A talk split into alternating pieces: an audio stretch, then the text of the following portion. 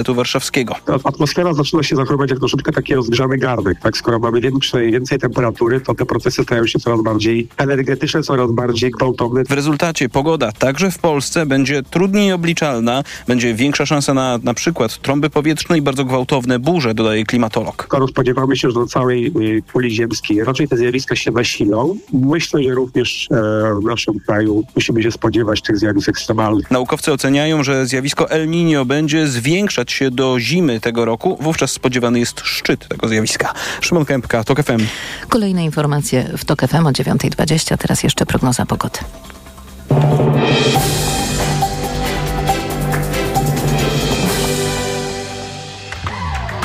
Sponsorem programu jest producent klimatyzatorów marki Hisense. Pogoda. Dziś sporo przejaśnień, ale na ogół będzie pochmurno i deszczowo. Najwięcej chmur na wschodzie, tam też miejscami zagrzmi. 18 stopni dzisiaj maksymalnie w Rzeszowie, 20 w Szczecinie i Trójmieście, do 22 w Poznaniu, Wrocławiu i Łodzi. 23 stopnie w Katowicach, Krakowie, Lublinie, Warszawie i Białymstoku. Czas na raport smogowy. Sponsorem programu był producent klimatyzatorów marki Hisense. Sponsorem alertu smogowego jest firma Kostrzewa. Producent kotłów na pelet do programu Czyste Powietrze. Pogorszyła się jakość powietrza w Polsce, acz nie jest jeszcze dramatycznie. Nieznacznie przekroczone normy Światowej Organizacji Zdrowia w wielu dużych polskich miastach. Problem to przede wszystkim pyły PM2,5. Najlepiej w tej chwili nad morzem i na południowo-zachodnich krańcach kraju. No a ja zachęcam do słuchania raportów smogowych w TOK FM również po godzinie 17. Sponsorem alertu smogowego jest firma Kostrzewa. Producent kotłów na pelet do programu Czyste Powietrze. Radio TOK FM. Pierwsze radio informacyjne. EKG. Ekonomia, kapitał, gospodarka. I jest 9.06, to jest magazyn EKG. Maciej Głogowski, dzień dobry. A dziś naszym gościem jest pan Jerzy Pruski, między innymi były członek Rady Polityki Pieniężnej. Dzień dobry, panie doktorze. Dzień dobry. Czy pan jest spokojny o przyszłość sektora bankowego po wyroku Trybunału w Luksemburgu? O stabilność, może lepiej tak powiedzieć. Stabilność. Jeżeli miałbym odpowiedzieć jednym zdaniem, to skłaniam się w kierunku pozytywnej odpowiedzi, czyli tak, jestem spokojny. Jeżeli to wyczerpuje całą złożoność problematyki o stabilność sektora bankowego, z, właściwie z takich powodów, że, mm, że ocena tego, co się stanie po wyroku TSUE była bardzo eskalowana. Ta negatywna ocena przez e, niestety Komisję Nadzoru Finansowego, później przez same banki.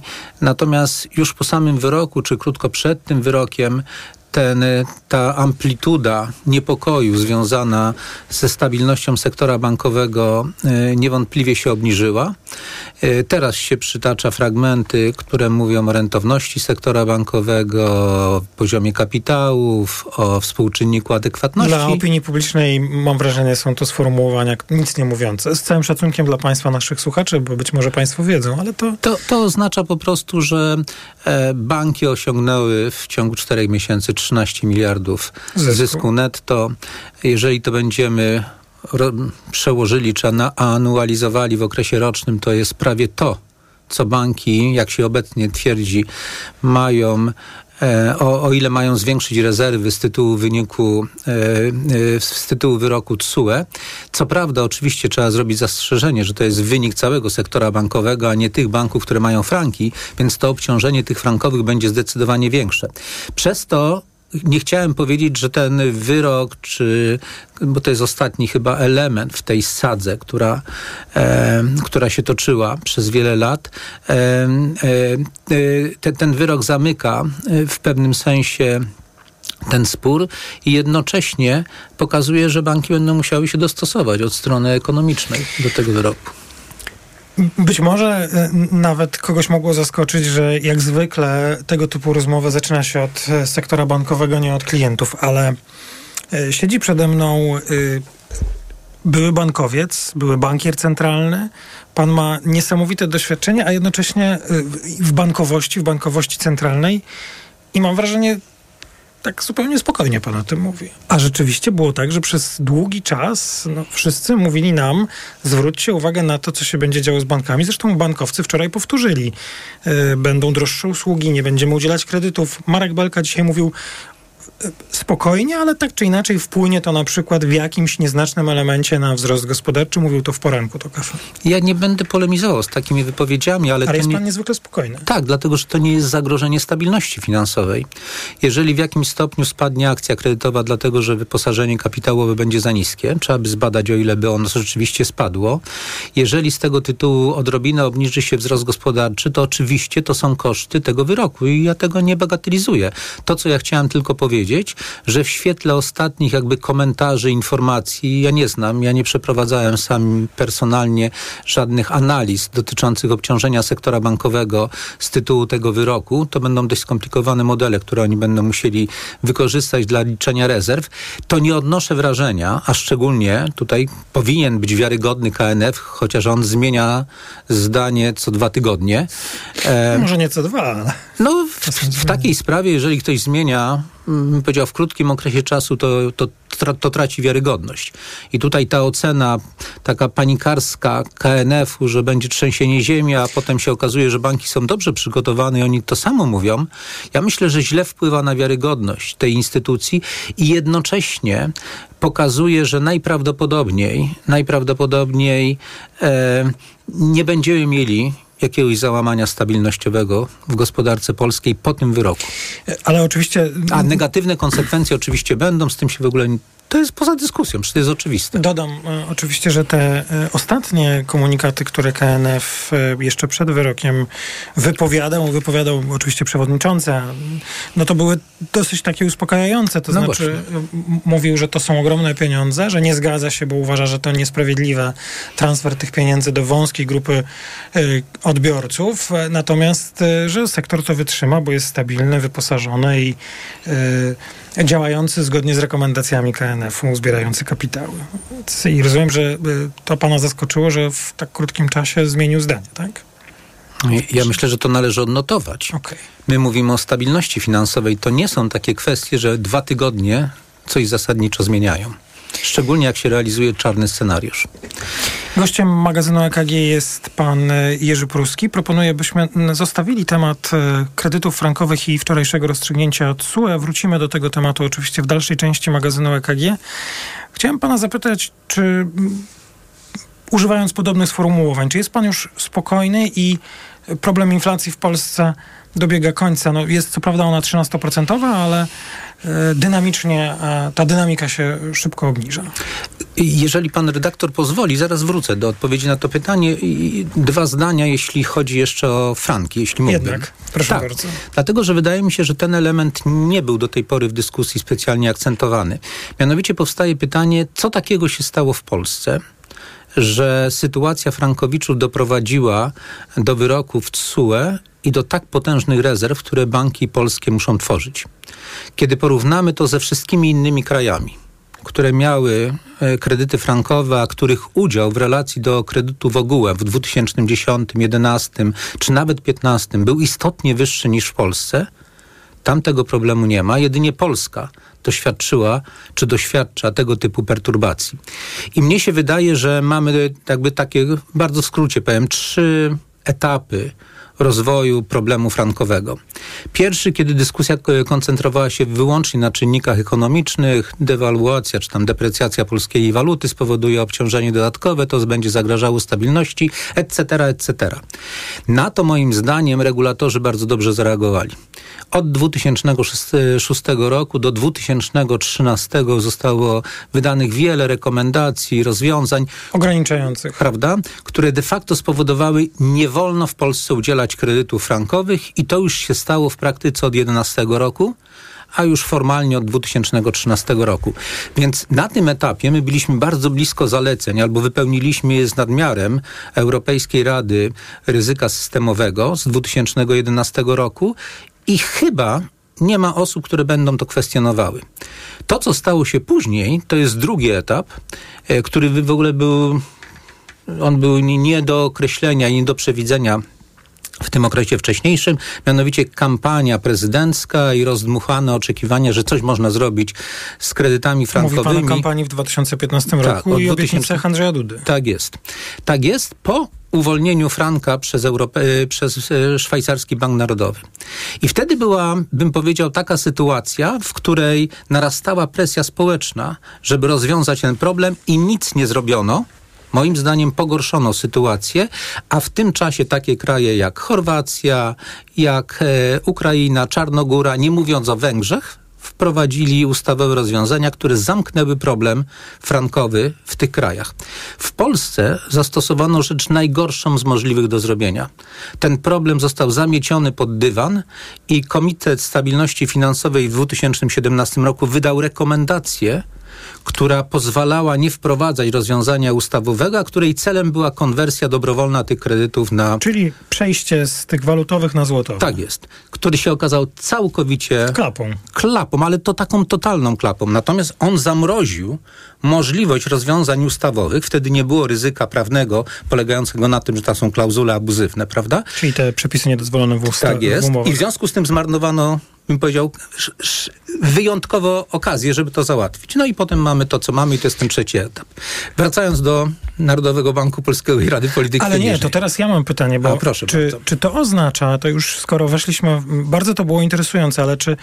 Mm, czy- bo wie pan, można by teraz odnieść wrażenie, i takie pytanie mi przyszło do głowy, jak wsłuchiwałem się w to, o czym pan mówił, jakby pan e, trochę zwalniał z odpowiedzialności za to, co się w Polsce wydarzyło sektor bankowy, a przerzucił tę Nie. odpowiedzialność Nie. wyłącznie na polityków. Nie. Chociaż ja też tak definiuję, no bo politycy są winni, obiecywali nam nie, panie rozwiązania. redaktorze. To, co chciałem powiedzieć, żeby jakby kiedy się analizuje problem frankowy z perspektywy czasu, nie zapominać o uwarunkowaniach, które towarzyszyły te, rozwojowi tego problemu w różnych okresach. I o ile e, w pierwszym okresie właściwie tam zrobiono wszystko, ale nie było żadnego ryzyka prawnego. Ryzyko prawne po raz pierwszy pojawiło się przy okazji kampanii prezydenta Dudy w 2015 roku i ono było definiowane zupełnie inaczej niż jest definiowane teraz. Że ryzyko prawne polega na tym, że będzie rozwiązanie ustawowe, które tam będzie sprzyjało Frankowiczom. Mówiąc w uproszczeniu, bo nie mamy czasu. I w związku z tym tam jest inna rola różnych podmiotów w tym procesie. Dopiero kiedy się pojawił w 2019 pierwszy wyrok TSUE, sytuacja i na, nastąpiła redefinicja ryzyka prawnego i wtedy sytuacja zmieniła się diametralnie. Więc był okres do 2019 roku bez pokrzywdzenia nikogo, bo nikt nie wiedział, jakie będą rozstrzygnięcia sądowe, a do 2019 one były wyjątkowo korzystne dla sektora bankowego, prawda? Dopiero po Był 19... czas, żeby coś zrobić, tak? Był Mówi- czas, żeby coś zrobić i moim zdaniem to jest odpowiedzialność regulatorów w tym okresie, że doprowadzili do tego, że tego typu rozwiązania nie mogły wejść. A. Nie rozgrzeszam banków w najmniejszym stopniu. A regulatorzy to w tym przypadku właśnie odpowiedzialne instytucje, czyli KNF, NBP, tak? K- Komitet Stabilności Finansowej najszerzej, a potem KNF. Komitet I- Stabilności to łącznie te Tak. dwa urzędy wymienione przeze mnie, ale także MF i ten Bankowy Fundusz tak. Gwarancyjny, zdaje się. Bankowy Fundusz Gwarancyjny, ale przede wszystkim KNF i Narodowy Bank Polski. E, to były pozorne działania, które wiadomo było, że będą nieefektywne, no dlatego, że to, to, to nie trzeba do tego nikogo przekonywać. No to na koniec właściwie, bo będziemy powoli kończyć, ale to... Przepraszam, nie, nie, że zmieniłem panu e, e, jakby Koncepcję. pomysł na ten program. Ale to było bardzo interesujące i, i, i właściwie dosyć jednoznaczne. Mm, To panie prezesie, na koniec, jak z tą inflacją? No, powiem tak, wydaje mi się, że nie martwić się 13% inflacją byłoby dosyć nieodpowiedzialne, ale y, odnoszę wrażenie, że no, politycy na razie robią wszyscy, łącznie z prezesem NBP, jego też definiuję jako polityka, mm, robią wszystko, byśmy y, uznali, że tego problemu już nie ma. Jak długo jeszcze będziemy żyli z tą wysoką inflacją? Mnie się wydaje, że ryzyko funkcjonowania w warunkach dwucyfrowej inflacji jest bardzo wysokie. Ten okres może być bardzo długi. On może zdecydowanie wykraczać poza horyzont, nie mówiąc o tym roku, ale i 24 i 25. To będzie od wielu czynników zależało, ale przede wszystkim od zmiany polityki gospodarczej łącznie, a przede wszystkim polityki e, Rady Polityki Pieniężnej. Polityki pieniężnej. Ja mam wrażenie niestety, że NBP to jest kolejna całkowicie zniszczona instytucja, która powinna być niezależna na mocy konstytucji i ustawy. Ona stała się według mnie takim pieniężnym ramieniem partii. partii pisowskiej i w związku z tym e, e, nie, nie, nie wypełnia swojego mandatu. Nie mam co do tego najmniejszych wątpliwości. Ona realizuje interes polityczny, czysto polityczny. Zresztą to widać po, i po działaniach Rady Polityki Pieniężnej i po tak zwanych wystąpieniach e, szefa e, Narodowego Banku Polskiego. Także należy się bać należy się bać, należy pamiętać tej wysokiej inflacji, należy pamiętać, że ta wysoka inflacja pozbawiła Polaków, można się spierać o wyliczenia, od 200 do 300 miliardów które mieli zgromadzone w oszczędnościach. To jest podatek. Bo utraciły one wartość. Tak, bo utraciły one wartość. To jest podatek inflacyjny, który na większość Polaków został nałożony i to jest, bym powiedział, rzecz, która jest niewyobrażalnie zła, która stała się z punktu widzenia polityki pieniężnej, losu i dobrobytu poszczególnych e, obywateli tego kraju. Co więcej, moim zdaniem, mam nadzieję, że w sposób odwracalny, ale dzisiaj została zniszczona całkowicie zniszczona wiarygodność Narodowego Banku Polskiego, wiarygodność bezpośredniego celu inflacyjnego. Bank centralny przestał, przestał dbać o ceny. A mówił to były członek Rady Polityki Pieniężnej i zarządu i były członek zarządu NBP. Bardzo dziękuję panie doktorze. Pan Jerzy Pruski był gościem magazynu EKG. Dziękuję. Bardzo dziękuję. Informacje. EKG. Ekonomia, kapitał, gospodarka. Autopromocja. Dołącz do subskrybentów Tok FM Premium. Słuchaj swoich ulubionych audycji i podcastów Tok FM, których nie usłyszysz na naszej antenie. Słuchaj wygodnie, gdziekolwiek jesteś. Zawsze, gdy masz na to ochotę. Wykup dostęp do Tok FM Premium. Zapłać 150 zł i korzystaj przez cały rok. Szczegóły oferty znajdziesz na tokefm.pl.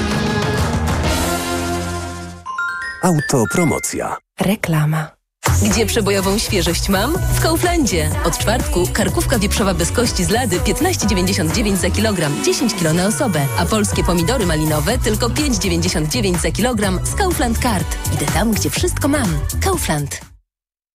Ale chwileczkę, bo w Biedronce są biedronkowe oszczędności. Podążaj za nimi codziennie. Do soboty. Rzodkiewki, pęczek, 1 plus 1 gratis. A ser żółtyrycki Edam w plastrach 135 gramów. Tylko 3,49 przy zakupie dwóch z kartą Moja Biedronka. Limit dzienny 4 opakowania na kartę. Oraz wszystkie kosmetyki marek Gliss, Taft, Schauma, Fa, Palet, Sajos. Drugi produkt 70% taniej. To jeszcze więcej powodów, by iść do Biedronki. Szczegóły na biedronka.pl Reklama. Radio TOK FM.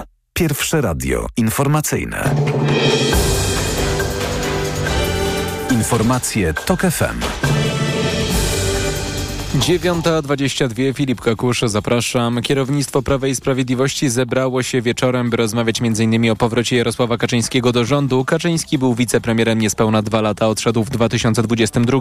Jego powrót, jak mówił szef klubu PiS Ryszard Terlecki, nie jest jeszcze przesądzony. Również wczoraj w Sejmie lider PiSu powiedział, że kwestia przyjmowania migrantów przez Polskę zgodnie z mechanizmem proponowanym przez Komisję Europejską powinna zostać poddana pod głosowanie w referendum.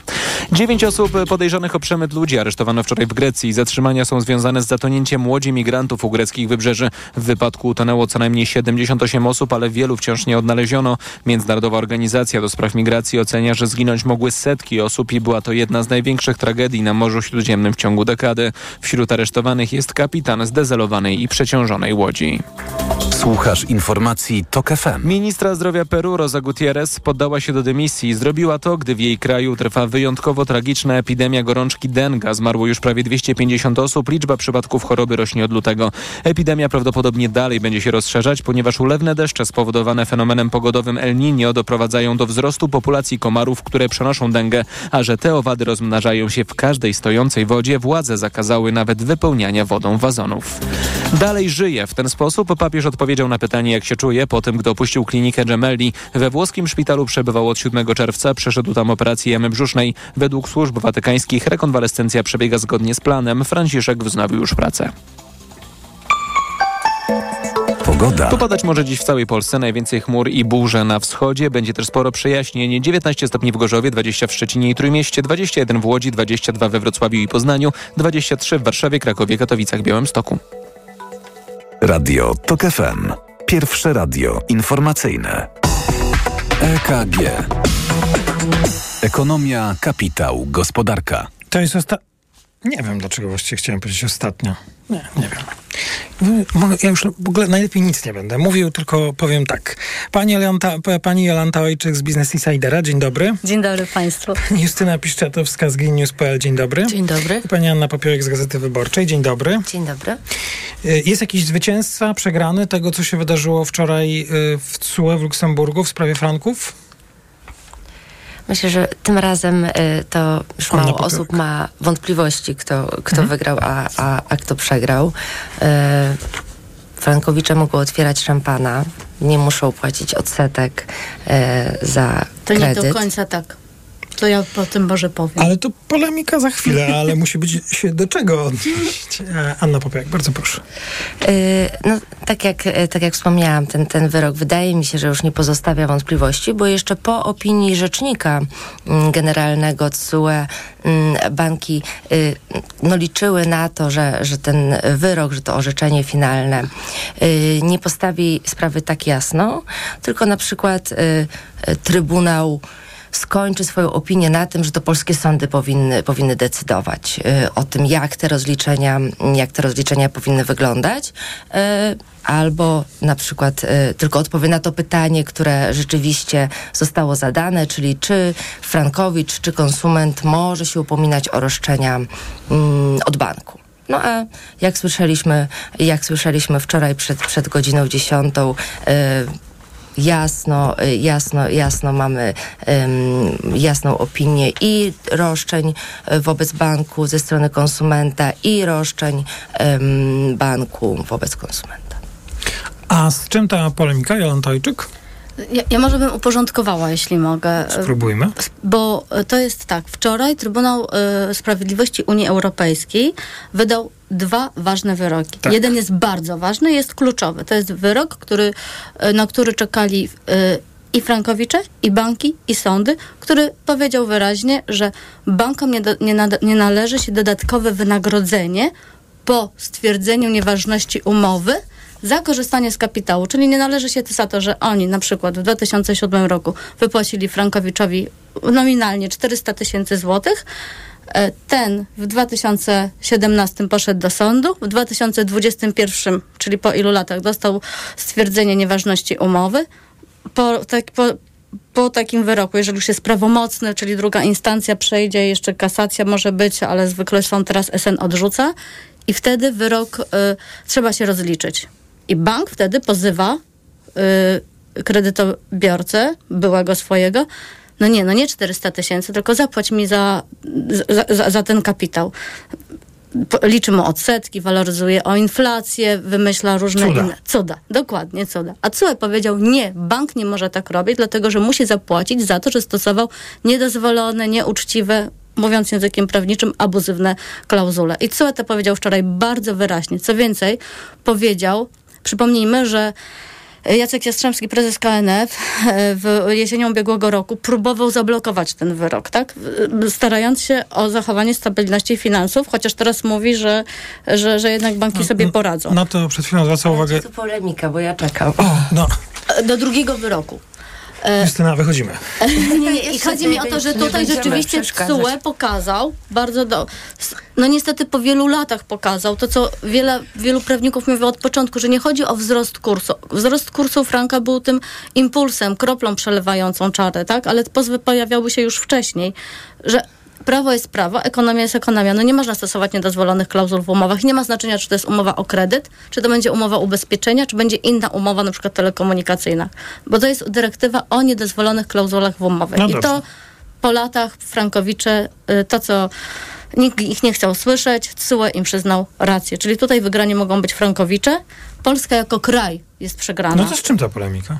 Z drugim wyrokiem, bo drugi wyrok był w sprawie o zabezpieczenie. Czyli jak Prankowicz składa pozew do, e, do sądu, może wnieść wniosek o zabezpieczenie w postaci niespłacania no to rat. Są wygrani. Też są wygrani nie, bo nie powiedział tak wyraźnie. Powiedział CUE, nie, nie, nie powiedział w sprawie o roszczenia za kapitał powiedział wyraźnie koniec, kropka, bankom się nie należy. No, a w tej drugiej? A w tej drugiej powiedział, że, że, że po pierwsze nie może oddalić, to rzeczywiście, bo wielu sądów odda, wiele sądów oddalało tak po prostu, że nie ma interesu prawnego albo w ogóle nie, nie jest zagrożone wykonanie ewentualnego przyszłego no. wyroku, tylko musi przeanalizować, czy oddalenie nie będzie skutkowało dla, dla realizacji tego wyroku i wskazał przykłady, kiedy może być taki skutek. Czyli może być taki skutek, jeżeli na przykład może grozi upadłość bankowi, no bo to było pytanie w sprawie Getin Banku, albo na przykład, kiedy już Frankowicz nadpłacił, czyli spłacił kapitał i teraz już spłaca raty, bo musi, tak, bo inaczej go wezwą i, i, i będzie musiał,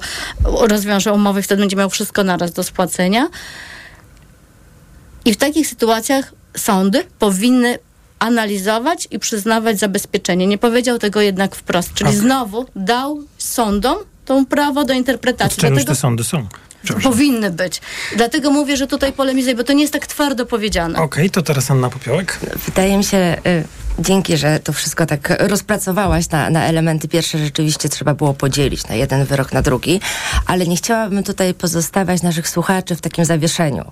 Y, czy mogą otwierać tego szampana? Czy mogą, mogą? Mogą, mogą otwierać. Oczywiście. Znaczy mogą. ci, którzy mają, mają kredyt, są zainteresowani sprawą, no bo to, tak, wszyscy, gorzej, gorzej z pozostałymi klientami no banków, no ale to już, to, to już, to ja już inna Ja złotówkowiczem, mam kredyt kwestia. w złotówkach, nie mam kredytu we frankach, mówię to publicznie, bo wiele osób na Twitterze, yy, no powiem otwarcie, szkaluje, tak, to co piszę i to co robię i ja powiem tak, yy, to z innej sprawy. Nie, nie, to, to momencik. To, to po tej deklaracji... Chodzi o to, że Halo.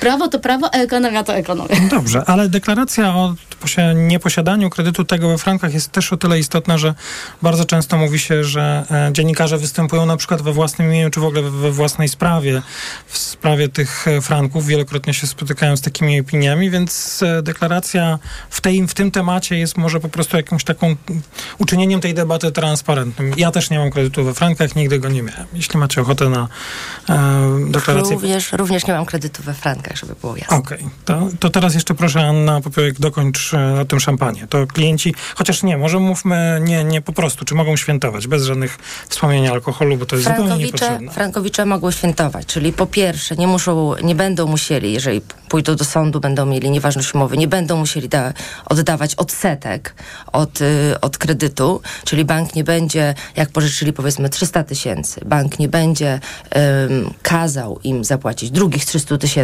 w formie odsetek, a poza tym, jeżeli to miałoby im pomóc w dojściu do, do, do, mm, do końca procesu, nie będą musieli spłacać rat podczas, y, podczas jego trwania.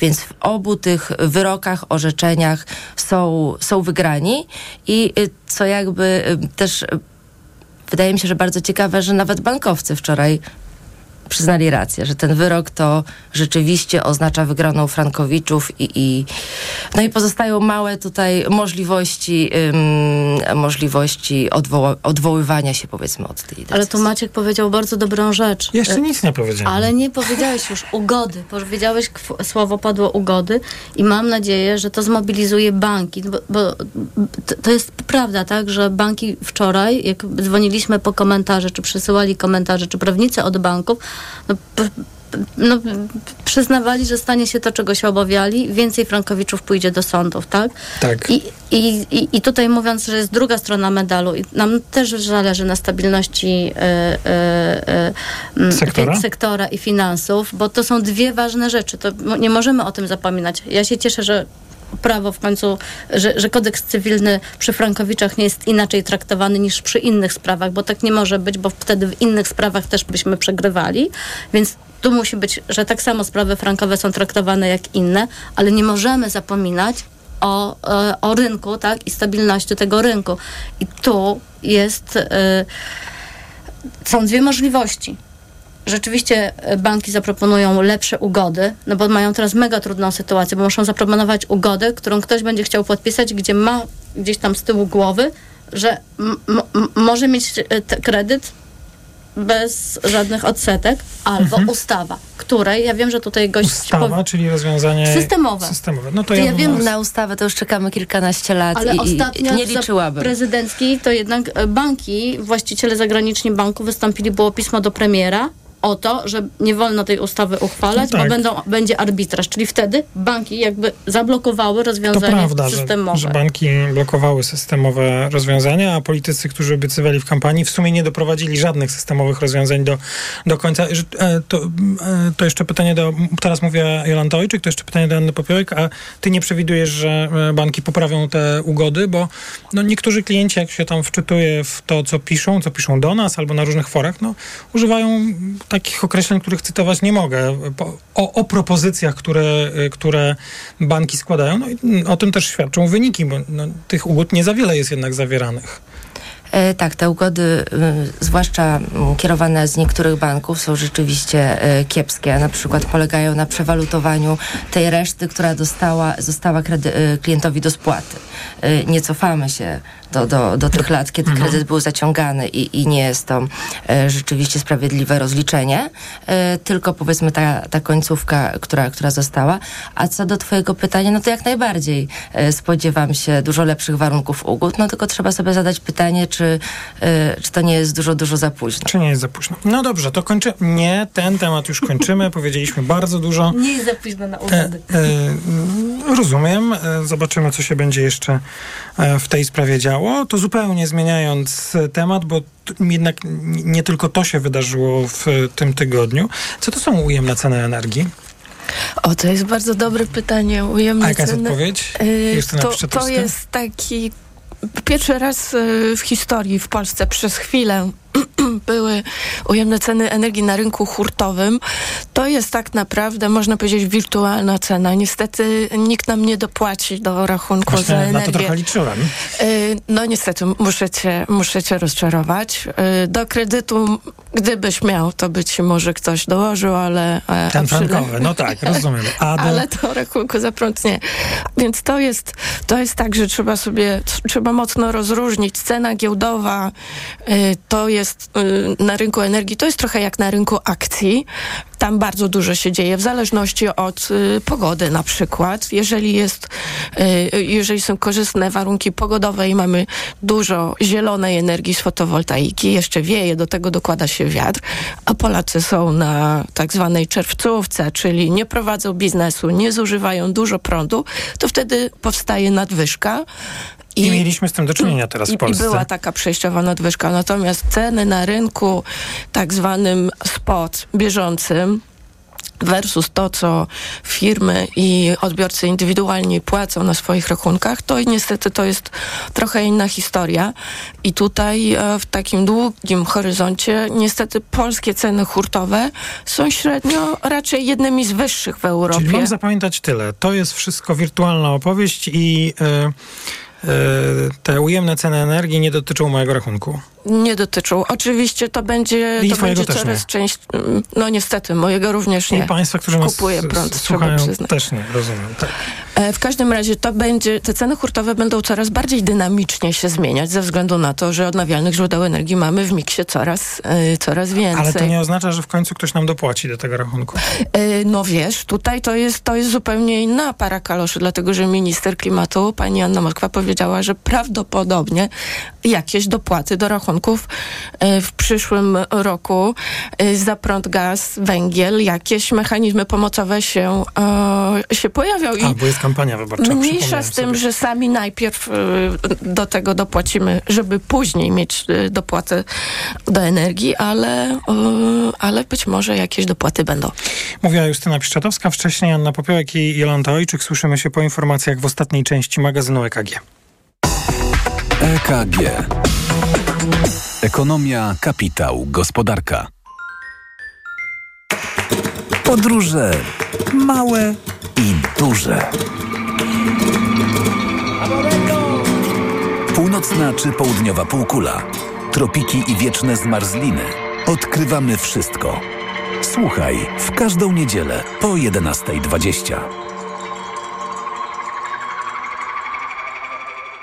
Sponsorem programu jest TravelPlanet.pl, portal turystyczny i sieć salonów. TravelPlanet.pl. Wszystkie biura podróży mają jeden adres. Reklama. RTV Euro AGD. Tylko do poniedziałku. 120 godzin ultra obniżek. Akcja na wybrane produkty. Na przykład zmywarka do zabudowy Bosch. Sterowanie smartfonem. Najniższa cena z ostatnich 30 dni przed obniżką to 1639. Teraz za 1629 zł. I dodatkowo do 40 rat 0% na cały asortyment. RRSO 0%. Szczegóły i regulamin w sklepach euro i na euro.com.pl. Bóle nóg, obrzęki, żylaki zatrzymują Cię w pół kroku? Przyczyną mogą być osłabione naczynia, a także zakrzepy. Sięgnij po nowość. Rostil Max z maksymalną dawką substancji czynnej w jednej tabletce. Rostil Max działa podwójnie, wzmacnia naczynia i przeciwdziała tworzeniu się zakrzepów. Rostil Max. Żylaki znikają raz, dwa. Aflofarm. Rostil Max. Tabletka zawiera 500 mg apniatu bezylanu jednowodnego. Wskazania leczenia objawów przewlekłej niewydolności krążenia żylnego kończyn dolnych. To jest lek. Dla bezpieczeństwa stosuj go zgodnie z ulotką dołączoną do opakowania i tylko wtedy, gdy jest to konieczne. W przypadku wątpliwości skonsultuj się z lekarzem lub farmaceutą. Ekonomia 360. Słuchaj od poniedziałku do piątku o 18.20. Sponsorem audycji Ekonomia 360 jest Unum Życie, Towarzystwo Ubezpieczeń i Reasekuracji SA www.unum.pl. W upały twoje dziecko bardzo się poci. Chcesz mu dać wodę? To może być za mało. Pocąc się, dziecko traci elektrolity, w tym wapń potrzebny do rozwoju kości. Podaj mu tabletki musujące Hydro Optima Junior. Suplement diety Hydro Optima Junior dostarcza niezbędne elektrolity i co ważne w przypadku dzieci, zawiera wysoką dawkę wapnia. Hydro Optima Junior ma pyszny pomarańczowy smak, mimo niskiej zawartości cukrów. Hydro Optima Junior. Zdrowe nawodnienie dla Twojego dziecka. Aflofarm. Dowozimy zakupy do domu, do mamy, do pracy. Nowość. Zrób zakupy online na sklep stokrot.pl i wybierz dostawę kurierem. Oszczędzaj czas ze Stokrotką online. Dlaczego zmieniłam tabletki na wątrobę i stosuję Proliver Cardio? Bo poprzednie tylko chroniły wątrobę, a Proliver Cardio również stymuluje pracę układu pokarmowego. Proliver nie tylko wspomaga wątrobę, ale również wspiera odtruwanie. I dodatkowo Proliver Cardio wspiera zdrowe serce. Suplement diety Proliver Cardio. Zdrowie wątroby i serca. Dostępny również Proliver plus Magnes. Aflofarm. Wyciąg z liści karczocha wspiera funkcjonowanie przewodu pokarmowego, wątroby, wydzielanie soków trawiennych oraz detoksykację organizmu. Wyciąg z ostryżu długiego wspiera funkcjonowanie serca. Słyszysz? Tak brzmią silniki floty elektrycznych samochodów w Twojej firmie. Sukces w biznesie przychodzi, gdy patrzysz szerzej. Zadbaj o zrównoważony rozwój firmy z bankiem BNP Paribas i skorzystaj z kredytu z gwarancją Biznes Max z dopłatą do odsetek przez 3 lata. Wybierz bank BNP Paribas. Najlepszy bank na świecie dla korporacji według Euromany 2022. Bezpłatna gwarancja Biznes Max dzięki współpracy z Bankiem Gospodarstwa Krajowego w ramach dofinansowania z Unii Europejskiej. Szczegóły na bnpparibas.pl. BNP Paribas Bank Polska S.A. Poznaj mega sposoby na oszczędności w Rosmanie. Na przykład żel do mycia twarzy Neutrogena Hydroboost za 17,99. Najniższa cena w okresie 30 dni przed wprowadzeniem obniżki 27,99. Mega Ci się opłaca. W Rosmanie. Marian, Mm. A o Dniu Ojca to Ty pamiętasz? No, no jasne, Barbara, co mam nie pamiętać? Tata nowy telewizor z Media Expert ode mnie dostanie, bo on tak mecze lubi oglądać, wiesz, ze mną. No sprytnie. Dzień Ojca w Media Expert. Telewizory, smartfony, laptopy, smartwatche, słuchawki, golarki i setki rewelacyjnych pomysłów na prezenty w super niskich cenach. Reklama. Radio TOK FM. Pierwsze radio informacyjne. Informacje TOK FM. 9.42, Filip Kakusz, zapraszam. Posłowie ponownie dyskutują nad nowelizacją ustawy o Komisji badającej rosyjskie wpływy w Polsce. Prawo i Sprawiedliwość chce, by Sejm przegłosował zmiany w przepisach jeszcze dziś. Partia wprowadziła też do nich kolejne poprawki. Zgodnie z nimi komisja nie będzie mogła stwierdzać, że osoba oskarżana o uleganie rosyjskim wpływom nie daje rękojmi należytego działania w interesie publicznym. Komisja jedynie uznawałaby, że ktoś działał pod rosyjskim wpływem. Według byłego ministra spraw wewnętrznych, dziś posła PSL Marka Biernackiego, te zmiany to wciąż niewiele. Oprócz końcowego efektu prac, ważne jest bowiem to, co będzie się działo w trakcie prac komisji. Członkowie komisji będą mieli dostęp do takich informacji, do której nawet ja jako minister spraw wewnętrznych nie miałem dostępu. Te materiały operacyjne mogą zajrzeć, a też materiały przygotowawcze prowadzone przez prokuraturę. I że nawet takie dokumenty to jest już duże niebezpieczeństwo, zwłaszcza mając w pamięci doświadczenie po komisji likwidacyjnej WSI, gdzie się okazało, że jeden z członków okazał się później agentem. Opozycja konsekwentnie jest więc tak przeciwko ustawie jako całości, jak i przeciwko poprawkom. Ponad 80 osób, w tym dzieci, zostało rannych w wypadku z udziałem trzech szkolnych autobusów w Korei Południowej. Do karamboru doszło na autostradzie na wschód od Seulu. Autobusy, którymi dzieci jechały na wycieczkę, zderzyły się z innymi autami. Według wstępnych ustaleń trzy osoby są poważnie ranne.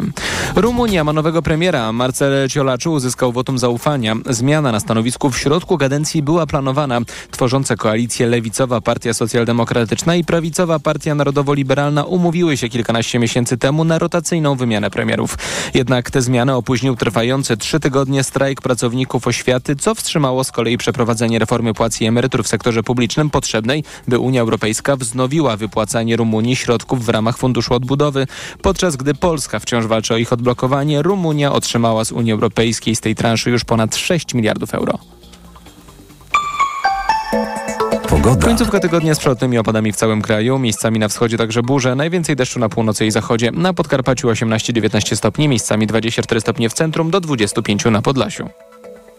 Radio TOK FM. Pierwsze radio informacyjne. EKG. Ekonomia, kapitał, gospodarka. I teraz jest ostatnia część piątkowego wydania magazynu EKG. Już za chwilę będzie 9.45. W naszym studiu pani Jolanta Ojczyk, pani Justyna Piszczatowska i pani Anna Popiołek. Czas na zdziwienia, takie na koniec tygodnia. I raz jeszcze zacznie. Nie, już nic nie będę mówił. Y, Justyna Piszczatowska, zdziwienia. Zdziwienie y, takie delikatne. Znaczy jest ich kilka. No to, że y, pierwszy raz w historii nikt nie, nie wydał pozytywnej opinii na temat wykonania budżetu. W sumie to już można nazwać, że to nie jest zdziwienie To do końca, ale jest to precedens. To jest zdziwienie. Ale czy jesteśmy tak do końca zaskoczeni, biorąc pod uwagę relacje między rządem a prezesem Najwyższej Izby Kon- Kontroli i tak dalej, nie, i tak dalej. przepraszam cię. Mu, muszę teraz ja się odezwać. Nie, Proszę. Ja bym e, przy, e, jednak unikał e, takiego stwierdzenia.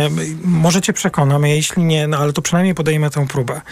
Wydaje mi się, że dokument, który opublikował NIK e, po kontroli budżetu i wykonania polityki pieniężnej oraz uchwałę Kolegium Najwyższej Izby Kontroli w przedmiocie absolutorium dla Rady Ministrów, bo tak to się e, nazywa, nie, nie, nie należy oceniać wyłącznie poprzez rozejście się dróg pana Banasia z Radą Ministrów, bo NIK na wielu stronach udowadnia, co Prawo i Sprawiedliwość zrobiło w e, systemie finansów publicznych, jak zaciemniło obraz finansów publicznych i przedstawia mnóstwo argumentów na ten temat, więc skręcenie tylko w tę stronę, że no to oni się nie Ale lubią, oczywiście, że masz rację. byłoby trochę przyznaję. nie fair. Przyznaję, bo dobrze wiemy, co się, o, co się dzieje, jak bardzo budżet jest wyprowadzany poza budżet. Rozmawialiśmy o tym szereg razy i rzeczywiście trudno byłoby zaopiniować to wszystko o, pozytywnie.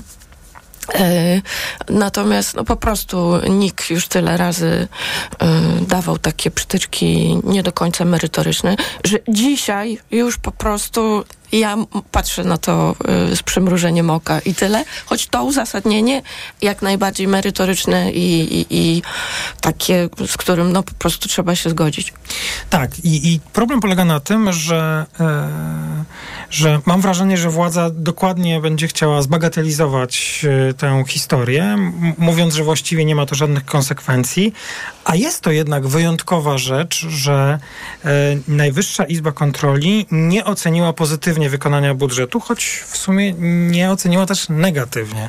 To też można przyznać, ale nie oceniła pozytywnie i ja zachęcam do tego, by zajrzeć. To jest druk 3371. Jeśli nie będziecie Państwo mieli czasu, by przeczytać, bo to jest no, sporo stron, e, to po pierwsze, zarówno w, w części o, oceny budżetu jest, e, jest takie krótkie streszczenie, jak i polityki pieniężnej też jest krótkie szcz- streszczenie. I jest dołączona ta uchwała Kolegium Najwyższej Izby Kontroli, gdzie są powtórzone zarzuty. To są trzy stroniczki, można to przeczytać. NIK, e, Kolegium NIK-u domaga się przywrócenia przejrzystości finansów publicznych, przywrócenia budżetowi państwa rangi centralnego planu finansowego zgodnie z Konstytucją RP, przywrócenia ustawie budżetowej roli podstawowego aktu zarządzania finansami państwa. No to jest prostu druzgocące dla rządu. Znaczy, ja bym chciała powiedzieć, że ja tu się z Maćkiem całkowicie zgadzam. To jest druzgocące. To jest pierwszy raz, a prezes Ja Banaś tak. nie jest od tego roku i czy od ubiegłego prezesem NIK i konflikt między NIK-iem a rządem ju, był już wcześniej. Ale y, y, to jest druzgocąca opinia i niestety y, to, to nie jest tak, że y, ona nie będzie miała znaczenia. Ona ma znaczenie i to, że te pieniądze wyprowadzane są poza budżet, i cały czas wykorzystywany jest fundusz covidowy na przykład, tak, którego, y, który miał być tylko i wyłącznie na czas y, covidu, no to spowoduje, że nasze dzieci będą musiały sobie z tym poradzić. To, to, to, ta, taka polityka budżetowa będzie miała poważne konsekwencje. Więc uważam, że tutaj y, jak czasami rzeczywiście nikt zagrywa politycznie, to w tym wypadku y, dobrze uzasadnił swoją opinię. Ja tutaj zwróciłabym jeszcze uwagę, że nie chodzi tylko o budżet poza budżetem, ale też to, co robiła Rada, Poli- e, Rada Polityki Pieniężnej w 2022 roku, tak? Czyli, że te podwyżki się skończyły we wrześniu, tak jak zgodnie z traktatem sopockim, jak prezes Glapiński obiecał na. Zapomniałem o tym w ogóle. Dokładnie, brawo. Porozumienia Sopockie. No ja myślę, że, że, że to jest tak samo, te wystąpienia, jak powiedzmy półprywatne są tak samo, tak samo ciekawe jak comiesięczne konferencje. No i rzeczywiście w październiku tych podwyżek nie było, na co nikt też oficjalnie zwrócił uwagę. I teraz mamy nadal dwucyfrową inflację. Może ceny nie idą tak szybko w górę jak jeszcze kilka miesięcy temu, ale to jest nadal 13%. To, to jeszcze jeden cytat ode mnie. Już oddaję głos e, w sprawie wykonania, w sprawie prowadzenia czy wykonania założeń polityki pieniężnej. Najwyższa Izba Kontroli napisała, Rada Polityki Pieniężnej zawieszając cykl podwyżek stóp procentowych przyjęła wyczekującą postawę, oceniając, że pogorszenie koniunktury gospodarczej jest realne, a po ustąpieniu czynników powodujących wzrost inflacji w przyszłości nastąpi spadek jej wskaźnika do celu inflacyjnego. Stanowiło to zmianę hierarchii celów polityki pieniężnej w ustawie o NBP, co nie znajdowało uzasadnienia w sytuacji utrzymującej się wysokiej inflacji i będzie skutkowało wydłużonym okresem e, powrotu inflacji do celu inflacyjnego. I znów użyję tego samego sformułowania, bo nie znajduję innego. To jest druzgocące po prostu dla Rady Polityki Pieniężnej zmiana hierarchii celów określonych w ustawie. No, ale zgadzam się z początkowym zdaniem Justyny, że to właściwie na nikim, e, to znaczy na tych, o których jest ten dokument, nie zrobi wrażenia, ale to nie oznacza, że opinia publiczna nie powinna się tym e, zajmować, czy nie powinna wiedzieć. Zdziwienie, Anna Popiołek. Y, No ja przyznaję, że tutaj powieliłabym pierwsze moje zdziwienie, czyli, czyli właśnie raportniku. Powtórzę to, co mówisz, dla mnie też to jest druzgocące, e, zwłaszcza w kontekście wczorajszych danych o, o inflacji, które wcale nie są pozytywne, co, co niektórzy mm, próbują, e, próbują nam wmówić, ale żeby tak jeszcze odejść, e, odejść od tego tematu, który już przedyskutowaliśmy, mm, wróciłabym jeszcze do reakcji bankowców na wczorajszy wyrok Jasne. e, TSUE. Ja byłam zaskoczona, że, że prezes M-Banku powiedział wprost, że on żałuje. Tak, że żałuje, że rzeczywiście nie wyszedł z tymi e, ugodami e, wcześniej. Ugodami dla klientów, wobec klientów. Ugodami, tak, Mhm. żeby klienci y, frankowi nie szli do sądów, tylko żeby się ugodzili z bankiem, co, co byłoby też dla, dla banku y, tańsze i, i, i korzystniejsze. Y, nadal uważam, że teraz jest już za późno, bo klient widząc, y, widząc to, to, to y, ten, wczorajszy, ten wczorajszy wyrok y, i reakcję przede wszystkim na niego. I komentarze, które, które mm, jakby. Znoszą ten efekt mrożący, tak? Że nie będzie się już Frankowicz bał, że, e, że dostanie kontrpozew od banku, e, żeby płacić.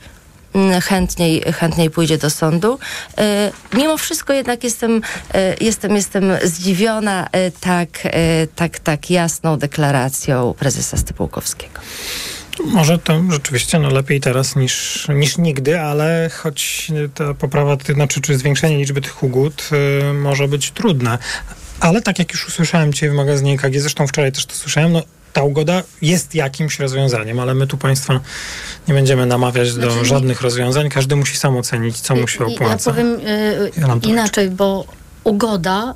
Są, każdy ma indywidualną sytuację Jasne. i trzeba tą indywidualną sytuację prze, przeanalizować. Może ktoś ma, ma pieniądze, chce kupić nowe y, mieszkanie, zainwestować w inną nieruchomość i dla niego ugoda będzie najlepszym rozwiązaniem, bo sprawa w sądzie trwa 5 lat. Tych spraw przybędzie. Nie każdego stać. No. Jolanta Ojczyk, zdziwienie. To ja z całkiem innej strony Proszę tym bardzo. razem, jeśli mogę, bo cała Polska żyje sprawą pani Doroty z Nowego Targu i to jest bardzo przykra e, sprawa. E, Sprawę tą prowadzi pani mecenas Budzowska, która też prowadzi sprawę e, z Pszczyny. Pam- Pamiętamy, tak? Tak, podobna, oczywiście. podobna sytuacja. Ja chciałam powiedzieć jedną rzecz, bo w mediach, w debacie publicznej przebrzmiewa skutek wyroku Trybunału Konstytucyjnego w sprawie aborcji. Oczywiście to jest między innymi skutek wyroku Trybunału Konstytucyjnego w sprawie aborcji, ale nie tylko. Te dwie sprawy bardzo dobrze pokazują, że w Polsce, tak jak przy ochronie konsumentów byliśmy krajem trzeciego świata i teraz e, TSUE pokazał, że jednak ochrona konsumentów jest ważna, tak w ochronie zdrowia jesteśmy w pewnych kwestiach krajem trzeciego świata i nie mamy standardów. Tak naprawdę w rozporządzeniu ministra zdrowia mamy określone tylko standardy opieki anestezjologicznej i jakiejś tam okołoporodowej, ale to jak się. Za, ale nie, on, nie, one, nie są one to szczegółowe. I na tym jest koniec. Nie ma nawet towarzystwo, Polskie Towarzystwo Ginekologiczne gdzieś tam próbowało pokazywać, że ono e, ma przygotowane rekomendacje. One są mega rozmyte. Nie ma konkretów, tak? Nawet jeżeli mamy takie sprawy, to potem trudno odnieść się, jak powinno występ, być przeprowadzone prawidłowo e, dana procedura. Ja powiem taki przykład niezwiązany z tymi tragicznymi dwoma wydarzeniami. Tutaj Maciek wie, że działam w Fundacji dla Dzieci e, e, z Cukrzycą i e, ostatnio zorganizowaliśmy taką wielką, największą w Europie imprezę, gdzie się spotkało mnóstwo mnóstwo osób. I okazuje się, że jeżeli dziecko ma zdiagnozowaną cukrzycę w innym, w, w jakimś szpitalu, nie wychodzi z taką samą e, pomocą, jak na przykład z Warszawy, tak? Nie w każdym szpitalu dziecko wychodzi z pompą, nie w każdym szpitalu dziecko jest informowane, że może mieć ciągły monitoring, że można inaczej e, prowadzić cukrzycę. Nie w każdym szpitalu dowiaduje się o wszystkich ważnych informacjach. I teraz okazuje, że są dzieci ze wschodu Polski, które są mocno po, po, po, pokrzywdzone, bo ciężko żyją, tylko dlatego, że nie dostały informacji mogło, powinno to być standardem, tak jak powinien być standardem, jak są traktowane w szpitalu prowadzone ciąże, traktowane kobiety w ciąży.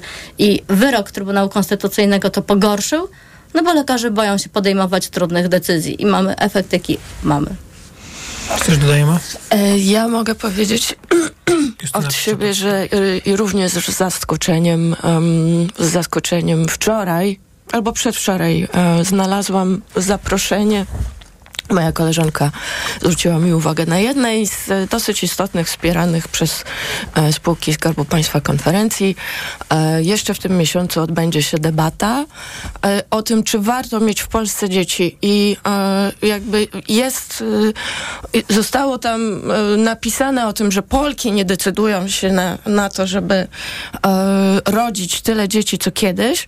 Natomiast w tej dyskusji prowadzi ją mężczyzna, będą rozmawiali trzy inni mężczyźni. E, I A co te jakby- spółki Skarbu Państwa mają do tego? To jest, y, myślę, że One to organizują, tak? Y, Ta konferencja jest po prostu głównie przez ten sektor wspierana. W każdym razie potem z zaskoczeniem y, odkryłam, że po tym jak no, starałam się zwrócić uwagę na to, że może to nie jest właściwa jakby na dzisiaj dyskusja o tym, żeby, żeby kobiety w ogóle nie uczestniczyły e, w takich debatach. No to potem się e, okazało, że będzie tam jeszcze e, pani wiceminister, więc generalnie rzecz biorąc, e, wydaje mi się, że ta sytuacja em, nie zachęci kobiet tak czy inaczej i jakby o, do tego, co, co już padło, wydaje mi się, że po prostu jesteśmy, no to nie idzie, nie idzie w dobrym kierunku. Znaczy jesteśmy Tworzenie- trzecim światem. Kobiety nie rozmawiają, nie, nie, kobiety nie są dopuszczone do głosów. Ile razy na Twitterze widzimy te wszystkie, e, tak? Są, są, są fajne dziennikarki, które pokazują, o proszę, panel, mówimy o kobietach, o roli kobiet, sami faceci. To się zgadzam. Z, z Justyną, a druga rzecz, no to jest taka, że no to nie jest ten moment, tak? Jesteśmy, no Polska przeżywa tragedię z Nowego Targu i to naprawdę jest tra tra tragedia. Zostały, nie, nie zostały podjęte właściwe decyzje medyczne we właściwym czasie i powiem więcej, lekarz lekarz dzwoni do konsultanta wojewódzkiego, żeby się y, y, potwierdzić, czy on może, w momencie, kiedy płód już nie żył, czy on może y, dokonać aborcji. No to jest karygodne, tak? Nie, ja tutaj nie chcę ferować wyroków, będzie, jest, trwa postępowanie, tak, to prokuratura i sądy. Ale mówię to jako jakby kobieta, matka, to jest nieprawdopodobne. Bardzo dziękuję za tę dyskusję i za tę ostatnią część dyskusji w magazynie EKG również. Pani Jolanta Ojczyk, Business Insider, dziękuję bardzo. Pani Justyna Piszczatowska, Green News.pl, również dziękuję i pani Anna Popiołek, Gazeta Wyborcza. Bardzo dziękuję. To było piątkowe wydanie magazynu EKG. Audycję przygotowała Natalia Banaczek, realizowała Liwia Prądzyńska. Po informacjach, informacja o godzinie 10, a po nich audycja Owczarek. Dziś tradycyjnie poetycki piątek, piątek w audycji Owczarek. Ja również dziękuję. Maciej Głogowski. Do usłyszenia. EKG. Ekonomia, kapitał, gospodarka. Homo Science. W każdą sobotę po 13.40. Zapraszają Aleksandra i Piotr Stanisławscy.